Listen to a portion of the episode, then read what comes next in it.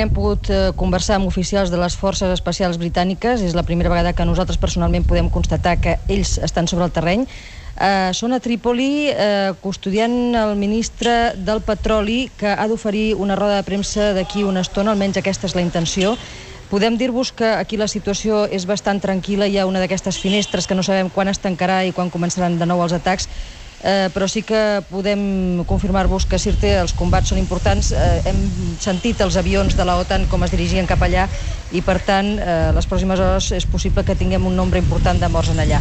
Eh, cal dir que en allà civils no n'hi ha gaires, eh, pràcticament tots són combatents, per tant, aquesta, diguéssim, és la part bona de la mala notícia. Aquí on som nosaltres ara, davant del complex eh, presidencial, eh, molt al costat de la mesquita de Buh Mahira, hem sentit la pregària del divendres en què es demanava a la gent que abandonés les armes, que tots són germans i fessin les paus.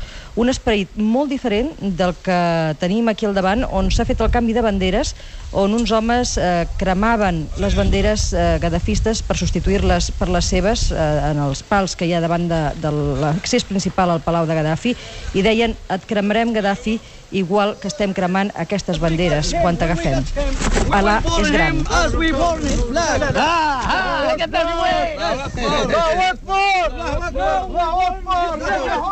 Un esperit molt contrari al de la pregària d'aquest divendres, que de moment està transcorrent com un dia festiu normal. Ja veurem si això canvia o no eh, durant la tarda.